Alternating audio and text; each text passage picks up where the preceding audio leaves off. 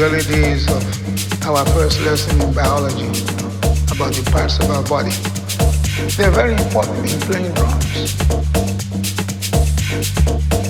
in getting the sound out of the drum. Depends on how you put your hands on the drum. The fingers together, relax, and just drop it on the drum. Those are the sounds we're going to.